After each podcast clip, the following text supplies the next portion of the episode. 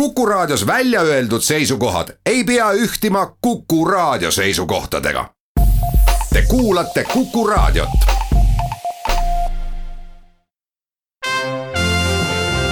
Tallinna Filharmoonia esitleb Filharmooniline huvitaja. tere päevast, head kuulajad Tallinna Kammerorkester tuli äsja väga tähendusrikkalt reisilt, sai antud mitu kontserti, mis ei olnud päris niisama kontserdid. ja täna on sellest reisist ja nendest kontsertidest rääkimas viiuldaja Helen Vestrik, tere tulemast! tervist! ja viiuldaja Mari Targo. tere! Te tulite Brüsselist, aga tegelikult olite te veel mitmes linnas kontserte andmas. mis reis see siis täpsemalt oli ja kust see kõik alguse sai? See kõik tegelikult sai alguse Brüsselist, nagu me ka lõpetasime seal, aga kõigepealt siis Eesti Festivaliorkestri raames. ja me käisime tõesti läbi kõik Euroopa tähtsamad kontserdisaalid, võiks öelda. ja lõpuks siis andsime ka kaks kontserti Hollandis Gröningenis ja Brüsselis. see ei olnud päris tavapärane reis, oli kaks orkestrit, oli mitu linna, mitu kontserti kuidas see siis kõik algas ja milliste koosseisudega te mängisite, kus ja mida? tõepoolest, see tuur oli väga-väga intensiivne kaasa arvatud Tallinna kontserdile andsime me seitse kontserti Eesti Festivaliorkestri ridades. ehk siis suure sümfooniaorkestriga? et me olime Kuku kammerorkestriga seal keelpillimängijate tuumikuks nii-öelda selles suures orkestris. ja pärast siis seitsmendat kontserti Luksemburgis järgmisel päeval eh, sõidutati meid bussiga Hollandisse, Groningeni linna, kus meil oli samal õhtul Tallinna Kammerorkestri ja Eesti Filharmoonia kammerkooriga Risto Joosti dirigeerimisel kodune Arvo Pärdi muusikaga kontsert ja siis sealt, sellest kontserdist ülejärgmisel päeval olime jälle otsaga tagasi Brüsselis. sest et äh, festivaliorkestri esimene väliskontsert toimus äh, Brüsselis äh, Bozari kontserdimajas ja nüüd siis tuur lõppes Tallinna Kammerorkestri kontserdiga Flagey kontserdimajas et seal on nagu erinevad stuudiod, seal on nimelt viis stuudiot, mis on siis siin kahe tuhandete aastate alguses renoveeritud. ja need paistavad silma oma väga erilise akustika poolest, see on väga hinnatud ja meie siis esinesime nimelt neljandas stuudios. ja lisaks Pärdi Tedeumile siis esitasime ka kohaliku helilooja, Belgia helilooja Dussy Requiemi. kusjuures Requiemiid. Requiemiid lausa jaa. täpselt, et äh, see oligi niisugune teos, mille ta oli komponeerinud, siis ideeks oli äh, idast läände erinevad sellised usupraktikad või nende sellised essentsid, need põhitekstid, see oli ka väga huvitav.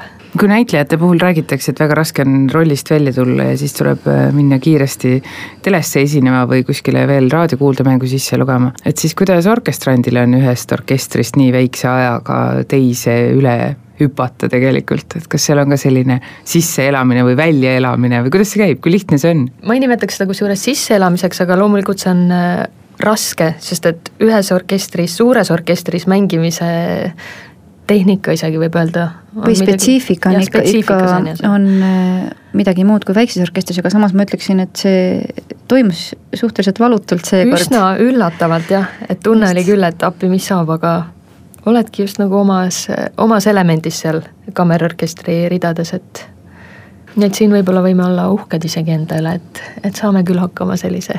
nii suures kui väikses orkestris oli ka väga hea muusika, et vast aitas natuke kindlasti absoluutselt igal juhul. kõik need kontserdid ju toimusid Eesti Vabariik sada pidustustega seotult, eks? mida te esitasite? no eks enam-vähem igal kontserdil oli Arvo Pärdi muusika, aga siis kahel esimesel festivaliorkestri kontserdil oli ka Tüüri üheksanda sümfoonia esmaettekanne ja siis pärast seda läksime juba Pärdi lainele Need kontserdid on saanud väga head vastukaja nii äh, meil siin kodus kui ka siis välismeedias. kuidas teile tundus endile, kuidas teid vastu võeti? mulle tundus igal pool, et meid võeti väga suurte ovatsioonidega vastu ja publikule tõesti väga meeldis. aga Berliinis? vägagi soojalt. jah, vägagi soojalt. jaa, et ma arvan, et see energeetika, mis seal toimis orkestris, see kindlasti jõudis ka publikuni aga vähetähtis ei ole ka tõsiasi, et kui me siis äh, peale äh, seitset kontserti Eesti Festivaliorkestriga lõpuks maandusime Hollandis ja esitasime seal äh, kammerorkestri ja Eesti Filharmoonia kammerkooriga puhtalt Arvo Pärdi kava, et siis selle kontserdi lõppedes oli publik hetkega püsti.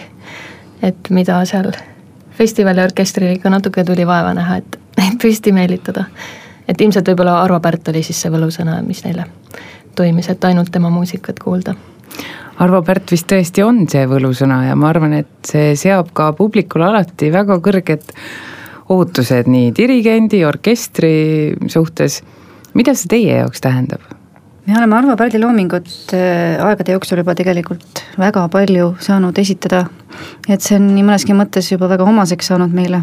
Kusjuures seal äh, festivaliorkestri reisi peal äh, meenutas kolleeg viiuldaja Lasse Joamets, kes töötab praegu Soomes ja kes kunagi on mänginud Tallinna Kammerorkestris, et kahekümne viie aasta eest toimus De Deumi plaadiesitlustuur. Just nimelt oli neil Zürichis kontsert, mitte küll samas kohas, kus meie esinesime, ma ei tea, kas Kölnis vist ka äkki, kus me käisime, ühesõnaga seesama piirkond ja see kakskümmend viis aastat, et see oli väga tähendusrikas, mul oli väga eriline mõelda selle, selle asjaolu peale. et Arvo Pärt tõesti Tallinna Kammerorkestrit on sünnist saati saatnud pidevalt. kui te olete Arvo Pärdiga koos töötanud proovides, teda nii lähedalt näinud, ma usun tõepoolest, et on inimesi, kes arvavad, et, et see on midagi nii erilist, et isegi need, kes on temaga kohtunud, võib-olla nende mõttes on midagi natuke teistmoodi või või nad on kuidagi olnud millegi väga ilusa lähedal, teie veel, kes te tema muusikat esitate, et see on veel kindlasti eriline tunne, aga kas on midagi, mõni lause või mõni märkus või midagi temast, mis on kuidagi eriliselt hinge jäänud või mõtlema pannud? no jälgides Arvo Pärti proovides, siis see tekitab endas ka alati sellise teistsuguse tunde kahtlemata, sinu tundlad on kuidagi teistmoodi vallal või et sa nagu kuulatad iga väiksematki heli mängides, et saavutada seda parimat tulemust. et ilmselgelt ta mõjutab oma kohalolekuga neid proove. Arvo Pärdi loominguga seoses meenub mulle kõige tähendusrikkamalt meie kahe tuhande kaheteistkümnenda aasta tuur Mehhikos kui Arvo Pärt ise oli ka seal kaasas ja teda austati seal õige mitme tunnustusega. ja üks preemia, mille ta sai, ta oli siis seal kontserdil loomulikult kohal ja kuidas ta lõpukõnet tuli sinna lavale pidama, no see oli lihtsalt niivõrd fantastiline, et ühest küljest on ta selline ikooniline, noh ongi nagu jumalamees natukene, aga teisest küljest on ta niivõrd humoorikas et äh, tema inglise keel ei ole vist kuigi just kiita. Ja ometi purssis ta seal ja tundis ilmselt ise ka, et, et mis hetkel ta nalja teeb ja ja flirtis seal publikuga täitsa, et esireas istus üks äh, paarike, kes oli näha, et mees niimoodi nagu ta oleks nagu Arvo Pärti katsuda lausa tahtnud. Ja siis viimasel hetkel ta hõikas Arvo Pärdile, et I love you. Ma armastan sind. Ja siis Arvo Pärt oli juba ära minemas ja siis ta kõndis vaikselt sinna mikrofoni juurde tagasi, ütles me too, et mina sind ka või noh, mõeldes siis võib-olla kogu Mehhiko rahvast, kes, ja et mis oli üldse nii huvitav, et me läheme teisele poole maakera ja kuidas rahvas on seal täiesti, täiesti eufoorias, nagu sõna otseses mõttes, nad, see möll, mis seal kontsertidel toimus, oli ikka ka täiesti enneolematu. No vist on nii, et äh, dirigentidel on samamoodi selline vormikõver nagu sportlastel ja noh, eks meil kõigil niimoodi vaikselt omamoodi, aga võib-olla nende puhul see paistab rohkem välja.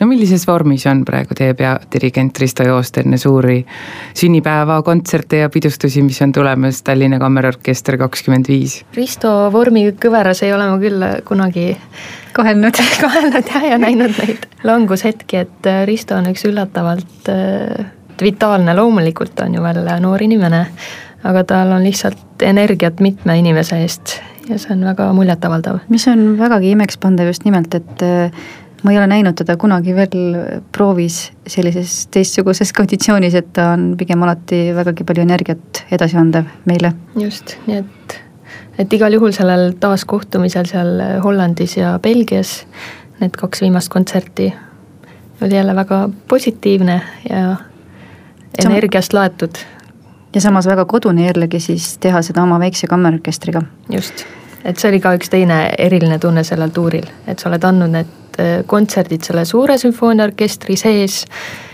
ja siis sa lihtsalt järgmisel päeval peale tuuri lõppu istudki juba laval, sest et meil oli prooviks väga-väga väike aeg. Ja istudki, annad juba kontserti nende oma sõpradega ja see oli ka väga-väga tore tunne aga millal siis Eesti publik teid siin jälle näha ja kuulda saab? järgmine võimalus on kammermuusika vormis, et meil nüüd äh, teist hooaega käib äh, see tore ettevõtmine nimega Brunchert, ehk siis kus on ühendatud äh, hiline hommikusöök ehk brunch koos kontserdiga ja sellise täitsa akadeemilist mõõtu kontserdiga. ja just nimelt väga hea muusikaesituse kõrval siis saab oma kõhtu täita. jah, et see toimub Mustpeade Maja Valges saalis, järgmine kontsert on üheteistkümnendal veebruaril kell kaksteist. ja seekord on kavas siis kaks kvartetti ja üks duo ja üks kvartettidest on nelja viiulikvartett Poola naiselilooja Patsevitši sulest. see on ka kuskil maailmasõdade vahel kirjutatud, just nii nagu ka see keelpillikvartett, Pavel Haas, üks äh, Tšehhi helilooja. Tšehhi helilooja, just nimelt. Kes on ka kahekümne viiendal aastal kirjutatud teos, nii et tal on seal palju džässimõjutusi ja et selline et ühest küljest nagu on meelelahutuslik muusika, aga teisest küljest äh, ikkagi natuke midagi tõsisemat ka. publikul on siis hea võimalus võrrelda, et äh, kui on ühelt poolt siis esindatud klassikaline keelpillikvarteti koosseis kahe viiuli, viola ja tšelloga Haasi puhul, et siis äh, kuidas kõlab siis neli viiulit korraga. jah, täpselt. Patsevitši loo puhul siis. jah, ja duona on Sergei Prokofjevi kahe viiuli sonaat, mis on ka väga ulatuslik tõsine teos, aga samas hästi huvitav ja palju toredaid äh, momente pakkuv. kaks pilli omavahel kõnelevad. selle kontserdi äh, kui idee lisaks sellele, et seal saab süüa, on ka see, et see on ühine perega hommiku veetmise võimalus. et seal on lastele avatud eraldi muusika- või tegevustuba, kus siis, äh, kui lapsed parasjagu ei soovi seda tõsist muusikat seal kuulata ja tundub, et nad võiksid veidike nagu nii mängijaid kui kuulajaid segama kippuda, siis äh, on nende jaoks sisustatud seal tore aja veetmise koht. üheteistkümnendal veebruaril keskpäeval algab. just nimelt, ja siis juba võib tulla lausa vähemalt pool tundi ennem ürituse algust, et. Äh, jah, uksed siis... avatakse pool kaksteist juba. just, et kaheteistkümnest oleks siis hea täiskõhuga nautida meie kontserti ja nii nagu varemgi, siis ka sellelt kontserdilt ei puudu üllatus, aga selle üllatuse nägemiseks peab ise kohale tulema. suur aitäh teile Helen Västrik ja Mari Tarko. ma soovin siis head sisseelamist siin Eestis jälle. aitäh teile. toredat päeva jätku, head kuulajad. Tallinna Filharmoonia esitleb Filharmooniline huvitaja